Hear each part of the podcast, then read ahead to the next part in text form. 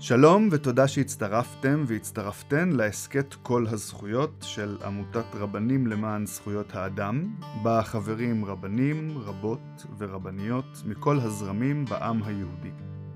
בסדרת ההסכתים שלנו נתמקד בקשר שבין יהדות וזכויות האדם, ונעסוק בסוגיות כגון ההיבט היהודי והאוניברסלי של זכויות האדם, תיקון העולם, הזכות לשוויון, הזכות לחיים בשלום, זכויותיהם של קבוצות מיעוט, מעמד האישה, הזכות להגנה עצמית, הקהילה הלהט"בקית ועוד. אני הרב מורי לידר, והפעם הזמנו להסכת שלנו את הרב דוקטור אריאל פיקר, ששוחח איתנו על היחס לאחר במסורת היהודית. הרב פיקר הוא עמית מחקר במכון שלום הרטמן, וחבר סגל ההוראה של המכון, הוא מלמד במכון שכטר למדעי היהדות, בעבר שימש כמנהל החינוכי של תוכנית בארי במכון הרטמן, תוכנית העוסקת בהוראת יהדות פלורליסטית. הוא מחברם של שני ספרים העוסקים בחקר ההלכה בעת המודרנית, ושני ספרים העוסקים בפילוסופיה יהודית עכשווית.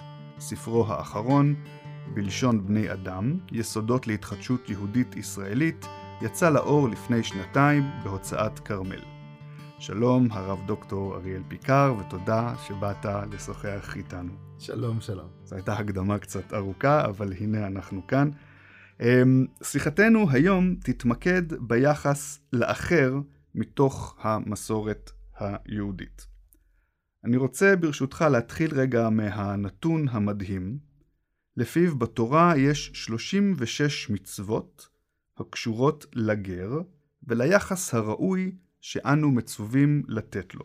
בהקשר זה, כלת פרס ישראל לחינוך, הפרופסור נחמה ליבוביץ', זכרה לברכה, טוענת כי אין מצווה אחרת בתורה, לא המצווה על אהבת השם, ולא מצוות השבת, לא המילה ולא מאכלות אסורים, לא איסור שקר ולא איסור גזילה, שמופיעה וחוזרת במספר פעמים כה עצום בתורה, כמו המצוות הקשורות בגר. והדבר כמובן מעלה את השאלה מיהו בכלל הגר הזה, שהתורה כל כך אובססיבית לגביו. כן, אז אנחנו כישראלים נוטים קצת להתבלבל בין שני מושגים מאוד מאוד קרובים במסורת היהודית. היום כשאומרים את המילה גר או גיור, אז אנחנו חושבים על מה שחז"ל מכנים בשם גר צדק, כלומר אדם שאיננו יהודי, איש או אישה, והוא ממיר את דתו ליהדות, הוא מתגייר ליהדות. זה אכן אחד המושגים של הגר. אבל התורה לא הכירה את המושג הזה של גיור, כמו, שאנחנו, כמו שחז"ל יצרו אותו, וכשהתורה מדברת על גר, היא מדברת פשוט על האחר, על הזר. ואני חושב שאולי היסוד הכי חשוב, שאנחנו היהודים מאז ומתמיד, אנחנו האחרים. אנחנו האחר. כן? אה, זה זכות אה, די קשה ודי מדממת אה, להיות היסטורית האחר של כולם. וזה נובע מהיותנו עם מאוד קטן, עם משפחתי, בסדרי הגודל של כל התקופות, כן? בוודאי בתקופה העתיקה, ועד ימינו אנו, העם היהודי, השבט היהודי, הוא יחסית קבוצה מאוד קטנה באוכלוסייה, בחברה הכללית, ותמיד היינו כך, וזו תודעה שמלווה אותנו אה, במשך דורות, בעיקר תודעה של כאב. אנחנו היינו הגרים, אנחנו היינו האחרים. בין אם זה במצרים, כן? אה, אה, שאנחנו אה, גר, אנחנו הגרים של המצרים, כן? אה, ולכן הם מעבידים אותנו ומענים אותנו. אה, אה, אה, ובין אם זה בתקופות מאוחרות יותר, עד, צריך לומר עד לאחרונה, כן? כלומר מאז שיש לנו מדינה כבר הרגשה משתנה, אה, ברוך השם, אבל אה, רגע לפני הקמת המדינה, כמה שנים לפני הקמת המדינה, עוד, עוד אבותינו ואבות אבותינו היו בכבשנים של אושוויץ בתור האחר האולטימטיבי של האנושות. הגורם השלילי ביותר באנושות, כך טענו הנאצים. כן? ו, ו, וגם פחות מזה, גם מפחות מזה סבלנו בתור היות, היותנו תמיד מיעוט קטן, האחר, אחר במנהגיו, אחר בדתו, אחר בלכידותו הפנימית והסולידריות שיש בתוך הקבוצה אה, אה, היהודית. מגילת אה, אסתר מספרת לנו על כך שהמן, כן, ראה, ישנו עם אחד מפוזר ומפורד בין העמים, ודתו שונה מכל עם, כן? דתיהם שונות מכולם. אז התחושה הזאת של להיות אחר של קבוצת הרוב, הקבוצה שיש לה כוח, היא חלק מהתודעה היהודית ההיסטורית. אבל מעבר לכך שזה זיכרון היסטורי, זיכרון היסטורי, ופה אני מתחבר למה שציטטת בשם אה, חמה ליבוביץ', חלק מהזיכרון ההיסטורי שלנו הוא גם נורמטיבי. זיכרון ההיסטורי, למשל התורה אומרת לנו, כיוון שאתה היית גר, ואתה יודע כי אתם ידעתם את נפש הגר, כי גרים הייתם בארץ מצרים, איזה ביטוי יפה, אתם ידעתם את נפש הגר, אתם יודעים מה מרגיש גר, לכן, ואהבתם את הגר, לכן לא תונו את הגר, וכן הלאה, כל המצוות, עשרות המצוות האלה ש, שקשורות לגר. זאת אומרת, יש פה משהו מאוד עמוק. תודעת האחרות שלנו, של היותנו אחרים, זרים, שתמיד תמיד זה בא עם מצוקה ועם כאב ועם מוות, מחייבת אותנו להיות, כשאנחנו הרוב, להיות בעלי גישה אחרת לחלוטין לאחר, למיעוט, גישה הומנית, גישה מכבדת, גישה אוהבת, כן? צריך להזכיר, אתה הזכרת את אהבת השם, אז יש לנו בעצם אהבת השם, ואהבת את אדוני אלוהיך, יש לנו ואהבת לרעך כמוך, רעך, הכוונה ליהודי, ויש לנו כמה פסוקים אחר, אחר כך, ואהבתם את הגר. זאת אומרת, גם לאהבת הגר היא אחת משלוש מצוות האהבה בתורה. אז לא רק אנחנו נדרשים למוסריות והוגנות כלפי הגר, לאהוב את הגר. כן, זה, זה, זה דרישה אה, קשה, כן? אה, ולוואי שהיינו עומדים בהרבה פחות מזה, בהוגנות כלפי זרים, אבל התורה דורשת לנו הרבה יותר מזה, כי היא חושבת שהסבל שסבלנו כזרים, כגרים, מחייב אותנו להתנהגות הפוכה לחלוטין ממה שנהגו בנו. אז בהקשר הזה מעניין אותי לשאול אם אתה חושב שהגירות היא אה, מתנה שלנו, ההיסטוריה שלנו כגרים. זו מתנה או שזה אות קין שאנחנו צריכים לסחוב אותו על גבינו לנצח נצחים?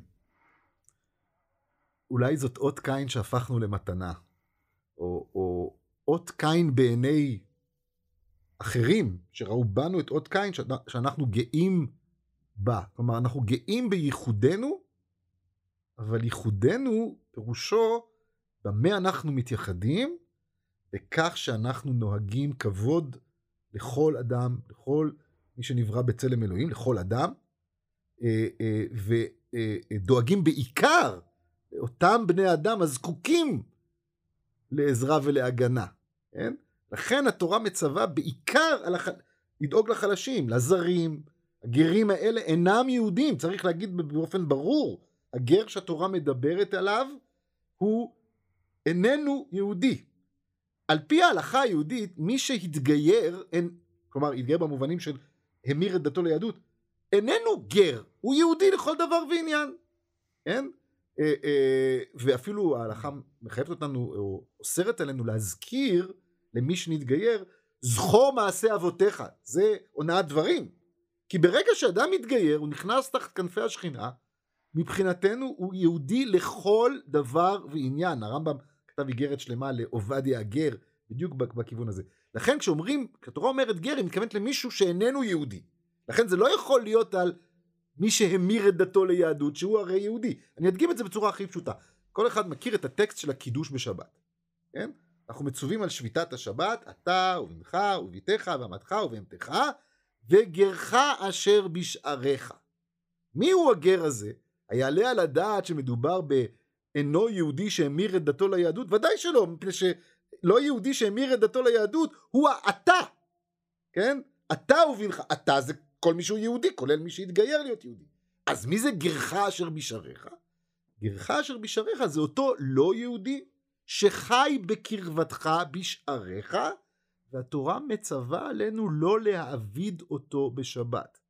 לא רק את, ה, את עצמנו, את ילדינו, ולא רק את עבדנו, כאשר עבד הכוונה לעבד שאיננו יהודי, לא רק כמובן את בהמות הבית שלנו, אלא גרך אשר בשעריך. הגר הזה לא שייך לנו. בשונה מהעבד המקראי, שהוא רכוש של האדון, הגר הזה הוא חי בתוך המרחב שיהודים גרים בו, לכן הוא נקרא גרך. באיזשהו mm. אופן הוא בשעריך. כן, אם תחשבו על זה היום, הדוגמה הכי טובה זה מהגרי עבודה. מהגרי עבודה הם הטייפקאסט של גרך אשר בשעריך. הם גרים, הם זרים, הם לא ישראלים, אין להם אזרחות פה, אבל הם בשעריך. ואם הם בשעריך, אז הם תחת אחריותך. אתה צריך לדאוג להם כפי שהתורה דורשת ממך לדאוג להם. אז אם זה באמת המצב, מעניין אותי לנסות להבין משהו. זאת אומרת, אנחנו רואים את רש"י, לדוגמה, שהוא לוקח את הפסוק אה, בשמות כ"ב, וגר לא תונה ולא תלחצנו, כי גרים הייתם בארץ מצרים. ורש"י כותב במפורש, כל לשון גר, אדם שלא נולד באותה מדינה, אלא בא ממדינה אחרת לגור שם. ויש לנו גם בתוך uh, הטקסט uh, עצמו, בתוך התורה עצמה, בבראשית כ"ג ד', uh, אומר אברהם, גר ותושב אנוכי עמכם, תנו לי אחוזת קבר. זאת אומרת, מאוד מאוד ברור באמת, כשאנחנו קוראים את התורה, שגר הוא זר. אז איך קרה שהיסטורית הגר הפך להיות מתגייר, ואיך זה קרה שהחוקים לכאורה, ש... או המצוות שאנחנו מצווים על הגר, הפכו להיות מצוות שמצווים על המתגיירים. האם לא גם איבדנו משהו חשוב מאוד במהלך הזה? אז קודם כל אני לא חושב שזה נכון, הדבר האחרון שאמרת הוא לא נכון. ההלכה, מה רמב"ם, יש מסכת גרים, אחת המסכתות הקטנות, שמדברת על המצוות לגבי גר תושב, הונאת הגר, הכוונה לגר תושב, גר תושב הכוונה הגר הזר, הזר שגר בתוכנו. קראו, חכמים קראו לו גר תושב, כי הוא תושב, לעומת הגר צדק שמתכוון להיות חלק מהקהילה היהודית. יש שתי אפשרויות, גר תושב או גר צדק. וההלכות האלה קיימות גם, לג... ש... שכתובות בתורה, קיימות לגבי גר תושב אה, אה, עד ימינו אנו, כן? השאלה הראשונה שלך היא מאוד מעניינת מבחינה היסטורית. איך נוצר הבידול הזה? התשובה לכך ניתנת על ידי פרופסור יחזקאל קויפמן, חוקר מקרא ישראלי חשוב, בספרו גולה ונכר.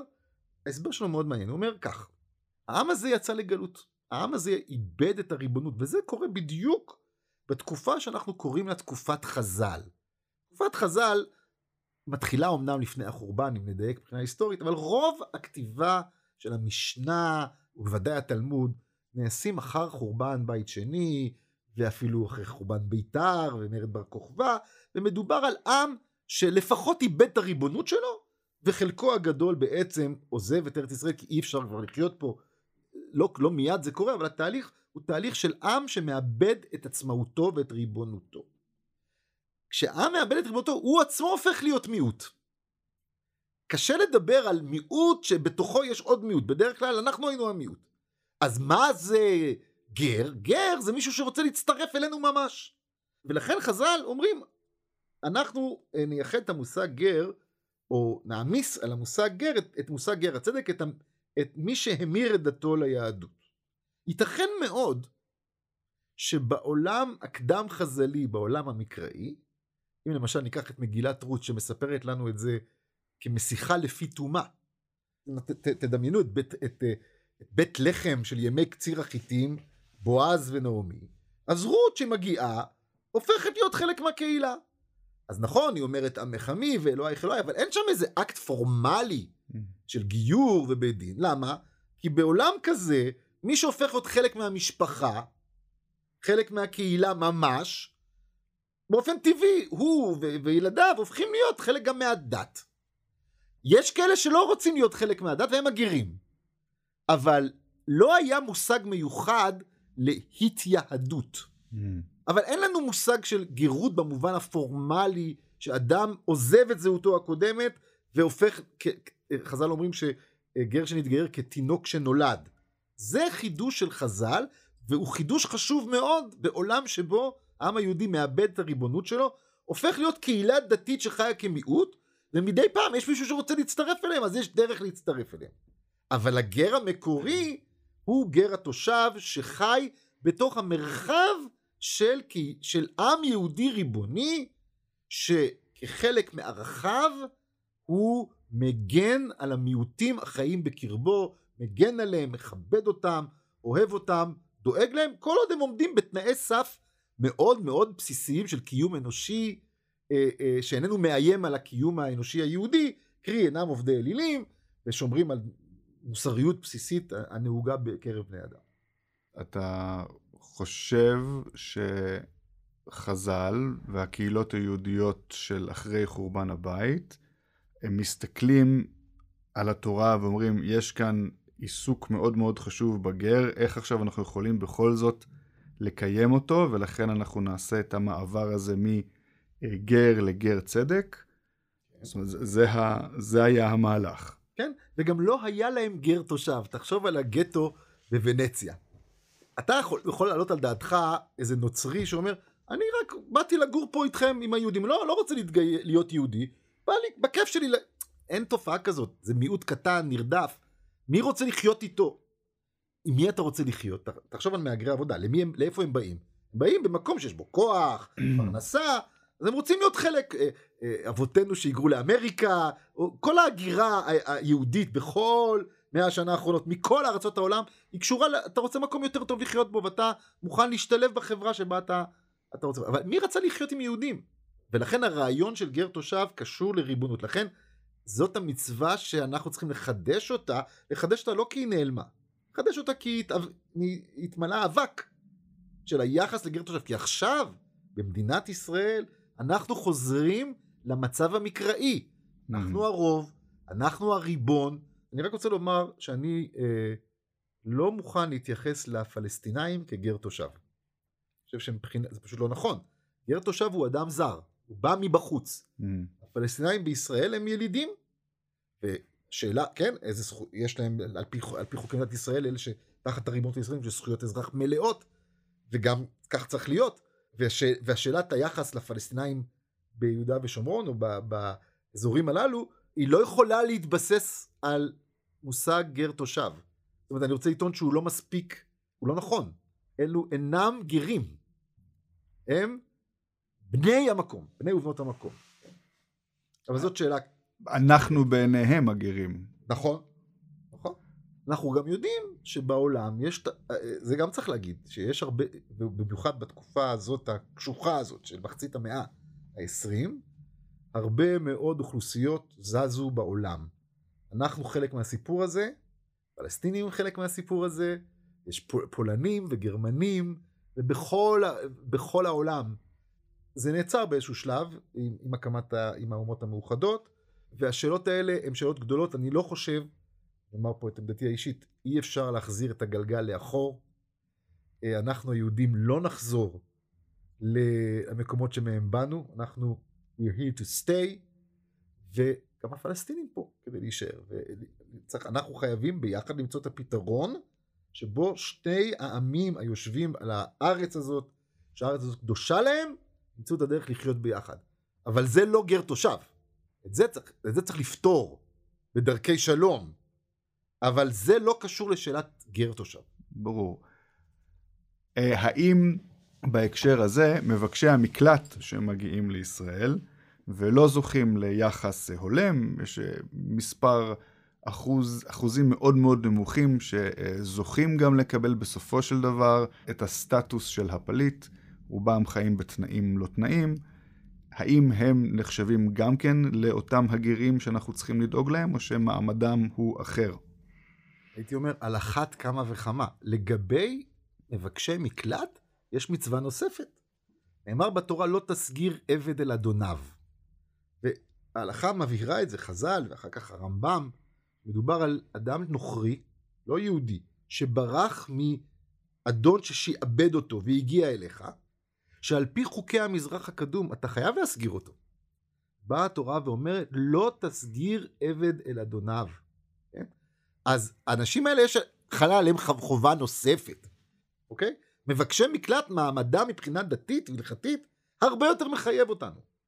ולכן מדינת ישראל מחויבת לאמנות בינלאומיות בתחום הזה, היא לא עושה מספיק, היא לא עושה נכון, היא גוררת רגליים, בעיקר אין לה מדיניות. אבל מי שכבר הגיע לפה, אני אומר ברמה האישית, אם אתה ישראלי, יהודי ישראלי, ואתה לא עוסק במדיניות, זה ברמת הממשלה. אתה יכול להציע הצעות וכולי. בסוף יש פה אנשים שהגיעו כך או אחרת, בצורה חוקית או בצורה לא חוקית, זה בכלל לא משנה. האתגר המוסרי של הישראלים הוא איך מתייחסים להם כשהם פה. עכשיו הם פה. המדינה תגר... אני מקווה שהיא לא תגרש אותם, אבל נניח שתגרש אותם. כרגע זה לא משנה לך. אתה כאזרח ישראלי, אתה כיהודי, אתה צריך לעשות הכל שהאנשים האלה יקבלו את כל מה שהתורה מצווה ביחס לגר. אם הם עובדים, צריכים לקבל את שכרם בזמנם, צריך לדאוג להם, הילדים שלהם צריכים לקבל חינוך, הם צריכים לקבל בריאות, כל מה שאתה עושה לעצמך ולבני ביתך, ושאתה מצפה שהמדינה תדאג, גם הם צריכים לקבל. שאלות הגדולות של מדיניות הגירה בכלל, שאלות של פליטים בעולם בכלל, הן באמת שאלות כבדות משקל. אני אומר את דעתי באופן אישי, אני חושב שישראל יכולה גם היא לתרום למאמץ הבינלאומי של הגנה על פליטים. כלומר, לקחת קווטה מסוימת, בהסכמה, זה, הרי זה מה שקורה באירופה, הם, הם אמורים לחלק ביניהם את המעמסה הזאת. בתוך המאמץ הבינלאומי הזה, ישראל צריכה לקחת חלק לפי גודלה, לפי יכולתה, כן?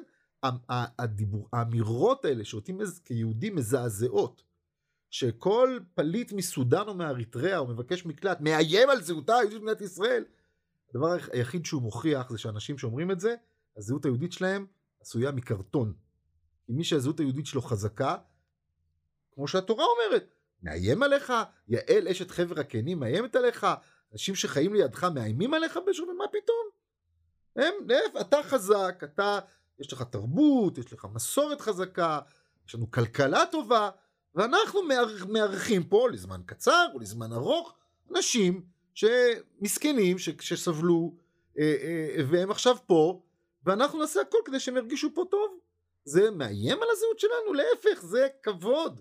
זה מראה את החוזק של הזהות שלנו. מי שמפחד מאנשים אחרים, הרי זה בדיוק מה שעשו ליהודים. חשבו שהיהודים מאיימים על הזהות הגרמנית. מה, כמה מיליוני יהודים, זה מה שמאיים על הגרמניות? זה, זה אנטישמיות במיטבה, שרואה ב, בכל זר איום. כן? זה חרדה שאתה משליך על האחר. אז לכן הטענות כאילו קליטה של פליטים מאיימת על זהותה היהודית של מדינת ישראל, בדיוק הפוך. מה שמאיים על זהותה היהודית של מדינת ישראל, בין השאר, זה היחס הבוטה שאנחנו לפעמים מוצאים בקרב ישראלים ויהודים ביחס לאותם אנשים. זה מאיים על זהותה היהודית של מדינת ישראל. וזה נשמע כאילו המצוות האלה והסיבה שהם מופיעים כל כך הרבה פעמים, באו בדיוק לטפל בפחד הזה. נכון. זה בא לטפל בפחד, ואני תמיד אומר לאנשים שאומרים את הדברים האלה, אני אומר, תראה, סטטיסטית, כל ישראלי, כן? בין שנות ה-30, עוד הכיר סבא וסבתא שהיו מהגרים או פליטים. בכלל לא משנה איפה, במרוקו, בתימן, בפולין, אין ישראלי אחד, למעט כמה ירושלמים דור שביעי, בודדים, כן? שאגב, הם היו פה פליטים, ב- ב- זה לא היה כיף גדול לחיות בירושלים בשלטון הטורקי, כן? אבל כל ישראלי הוא צאצא של פליט. לא חייב להיות פליט שואה. להגר ממרוקו לארץ ישראל זה דבר קל. מה שקרה ליהודים בארצות האסלאם, זה, זה היו, היו חוויות מאוד מאוד קשות. אתה צריך לזכור את סבא וסבתא שלך, ואת הסיפורים שלהם. ואתה צריך להגיד ככה, מה שאחרים עשו לסבא וסבתא שלי, אני לא יעשה. כן, כשהאחרים היו החזקים והסבא וסבתא שלי היו החלשים, היחס שיהודים קיבלו בכל העולם, כל אחד במקומו ובתרבות שסובבה אותו, היה קשה מאוד עד כדי רצח, כן, באירופה בשואה, אה, ופוגרומים שהיו בהמון המון ארצות, גם בארצות האסלאם. מה שהם עשו לנו, אנחנו לא נעשה לזרים שבתוכנו. זה כל כך פשוט, זה, בש... זה מה שהתורה מצווה אותנו על זיכרון שיעבוד מצרים. לא רק על יציאת מצרים אנחנו, אנחנו מצווים, לזכור, יציאת מצרים זה כשיצאנו. זכור כי עבד היית בארץ מצרים, תזכור את השיעבוד. למה תזכור את השיעבוד? כי אתה לא רוצה להיות המשעבד. אז הנה נקרא לנו ההזדמנות הזאת, מי חלם? הם היו מספרים לסבא וסבתא שלי, שהם יצטרכו לעסוק בשאלה איזה יחס, אנחנו אדונים, איזה יחס ניתן למיעוטים, הם היו אומרים, ברוך השם שהגענו למצב הזה, אנחנו תמיד היינו העבדים. הנה עכשיו, הנכדים שלנו נהיו אדונים, אז שיתנהגו כאדונים יהודים, שיש להם יחס של כבוד ואהבה והוגנות כלפי אלו הכפופים להם, כך או אחרת. אז הנה זה נשמע כאילו אנחנו מקבלים הזדמנות לתקן. הריבונות הזאת בארץ ישראל מאפשרת לנו לתקן את uh, אותם עוולות עבר. אנחנו מוזמנים ללמוד מהעבר שלנו, להיות אמפתיים לאחר, ובכל זאת נראה שאנחנו לא כל כך uh, מצליחים לעשות את זה. בוא, אני, אני לא רוצה להיות כל כך פסימי. אני חושב שיש ישראלים רבים שמתפיסתם ההומנית וגם מתפיסתם היהודית לא נוהגים כך, אלא נוהגים בכבוד כלפי זרים וכלפי אחרים וכלפי גרים, ויש לנו הרבה מה לעשות והרבה מה לתקן, כן? בעיקר מה שצריך לתקן, זה שאנשים לא מתנהגים לפי הנורמה שהם חושבים שהיא נכונה, זה סיפור אנושי רגיל. אבל זה שאנשים לא מבינים שזאת הנורמה הנכונה. אבל מישהו אומר, תשמע, באמת צריך לכבד את הגרים וזה. אבל שמע, יש לי ילדים, משפחה, אז אני קודם כל דואג למשפחה שלי, ואני לא מגיע לזה, ואני צריך אותו שיעבוד, אני נותן לו תנאים פחות טובים מה, מהילדים שלי. אבל זה לא בסדר. אוקיי, תשתדל, ת, ת, ת, תשפר, תשפר. אבל מי שאומר, לא, בגלל שאני יהודי, וזה מדינה יהודית, אז אני צריך uh, לבוז להם, וזה, השתגעת, זה קלקול, זה לא שאתה לא במדרגה שהיית רוצה להיות, אתה מקלקל. לא רק שאתה לא מתקן, אתה, אם אתה אומר את זה בשם היהדות, זה חילול השם גדול מאוד. כי אתה אומר שהיהדות היא דת אכזרית, דת שונאת, דת של שנאה, ואין שקר גדול מזה. זה הדבר, נגד זה צריך להילחם. זה מיעוט, אני חושב, אה, שחושב ככה. רובנו, רוב האנשים, אנחנו פשוט לא עומדים בסטנדרטים המוסריים שהיינו רוצים לעמוד בהם. ואולי נתקדם, ואולי ילדינו יהיו יותר טובים מאיתנו. אלה שרואים ברשעות הזאת ביחס לזרים, כאילו זו היהדות, זה דבר נורא ואיום, נגד זה צריך להילחם. כי זה מיעוט, אבל מיעוט קולני, שמדבר בשם היהדות ומוציא את דיבת היהדות כן? ו- ו- ונושא את שם היהדות לשווא. זה דבר שכאדם דתי, כאדם יהודי, ממש מח... גורם לי לחלחלה. אני אוסיף לך עוד, עוד דבר שהוא, אחת החולשות שלנו, זה שכיוון שהסבל של השואה כל כך יוצא דופן במסגרת האנושית, mm-hmm. אז יש לנו תחושה שכל מה שהוא פחות משואה, זה בסדר. לנו, אנחנו לא, לא רוצחים uh, בג, בתאי גזים uh, פליטים, לא. סך הכל אנחנו זורקים אותם לכלבים. אז לאן, זה, ש, זה שפגעו בנו בצורה הרבה יותר חמורה ממה שכרגע אנחנו פוגעים באחרים, זה לא אומר שמותר לנו לפגוע באחרים בצורה פחות חמורה ממה שפגעו בנו. כלומר, אין קורלציה. אנחנו לא נעשה לאחרים הרבה פחות ממה שעשו לנו. כל דבר הקטן, הקטן ביותר מבחינה מוסרית. אי אפשר להשוות אה, מישהו שלא נתנו לו את המשכורת בזמן, למישהו שזורקים את הילד שלו ליאור. כן? אנחנו את הילדים שלנו זרקו ליאור או לכבש, לכבשן באושוויץ. אנחנו אפילו אה, לא לשלם לעובד בזמן לא נעשה. אז הדרישה המוסרית מאיתנו היא לא שוויון למה שעשו לנו, היא הרבה יותר גבוהה.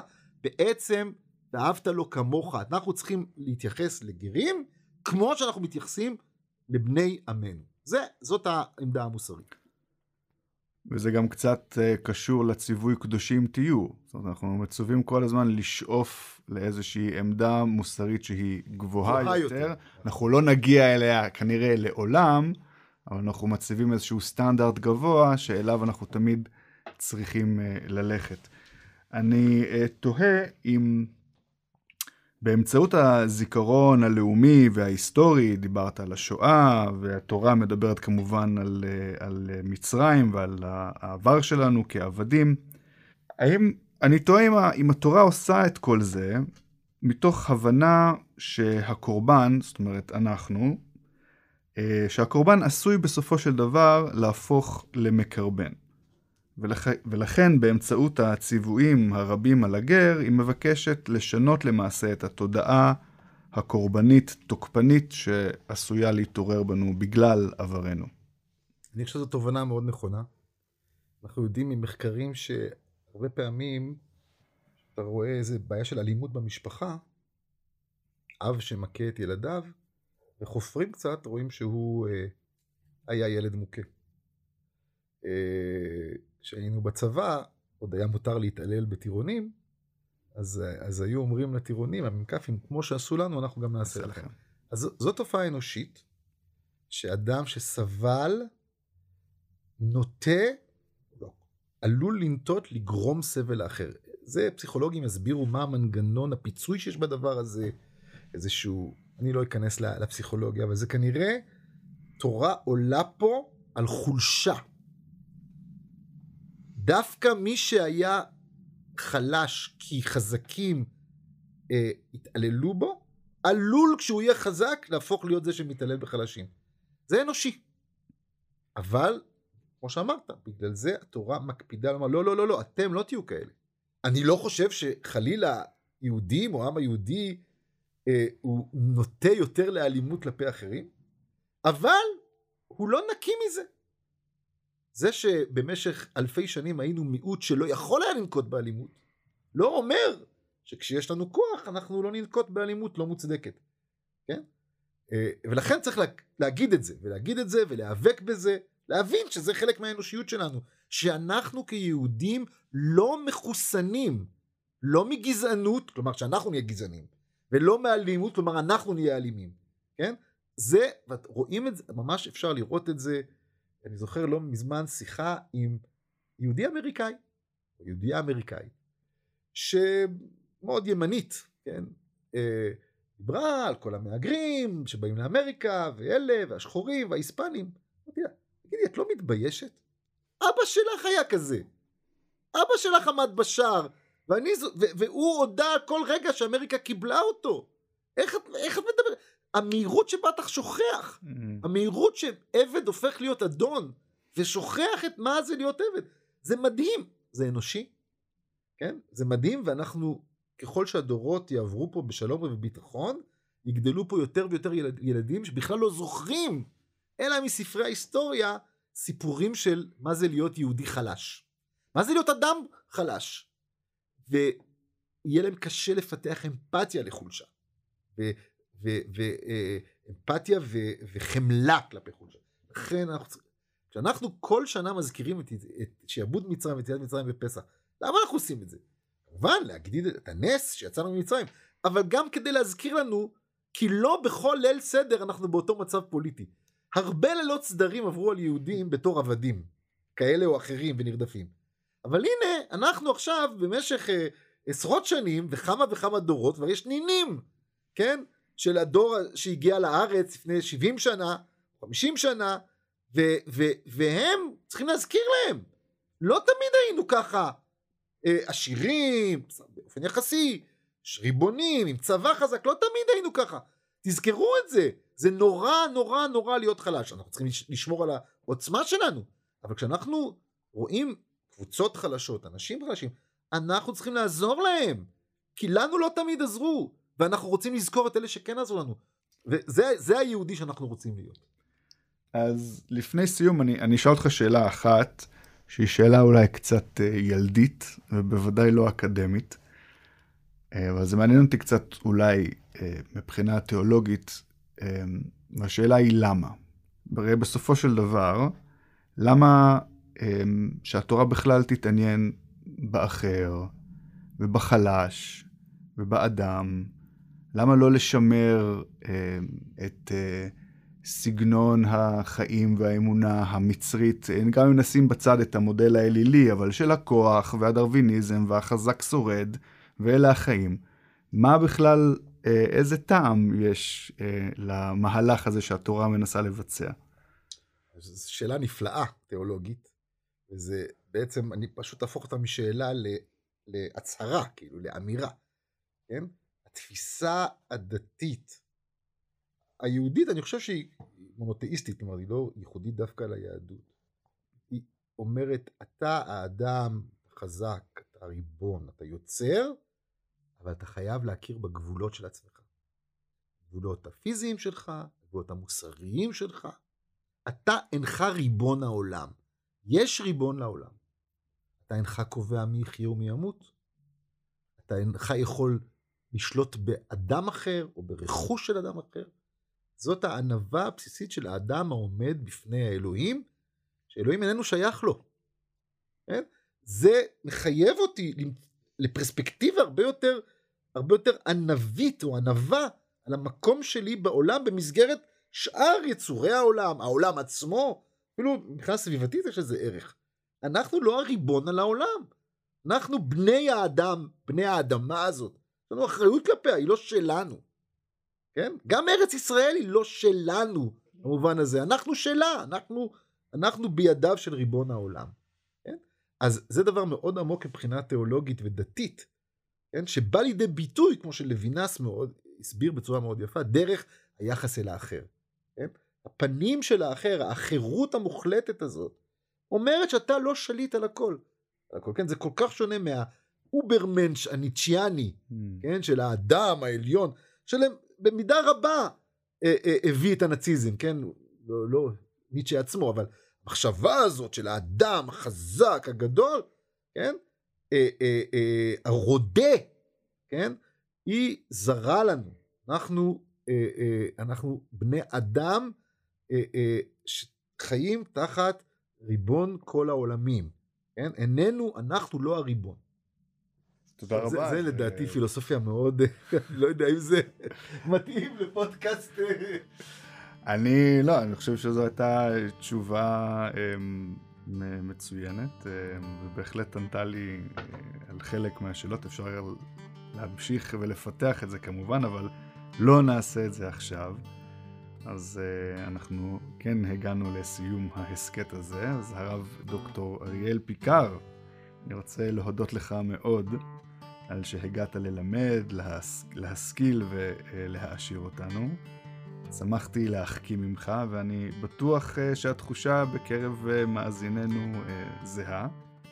אני רוצה להודות גם לאורי קדישאי שהקליט את ההסכת, לטל שדות על העריכה, לעמיתה שלי הרבה נאוה חפץ, וגם לכם המאזינים לנו בבית, במכונית או בכל מקום. תודה רבה שהייתם איתנו. ניפגש שוב בהסכת הבא שלנו כדי להמשיך וללמוד על יהדות וזכויות אדם. תודה רבה. תודה לך.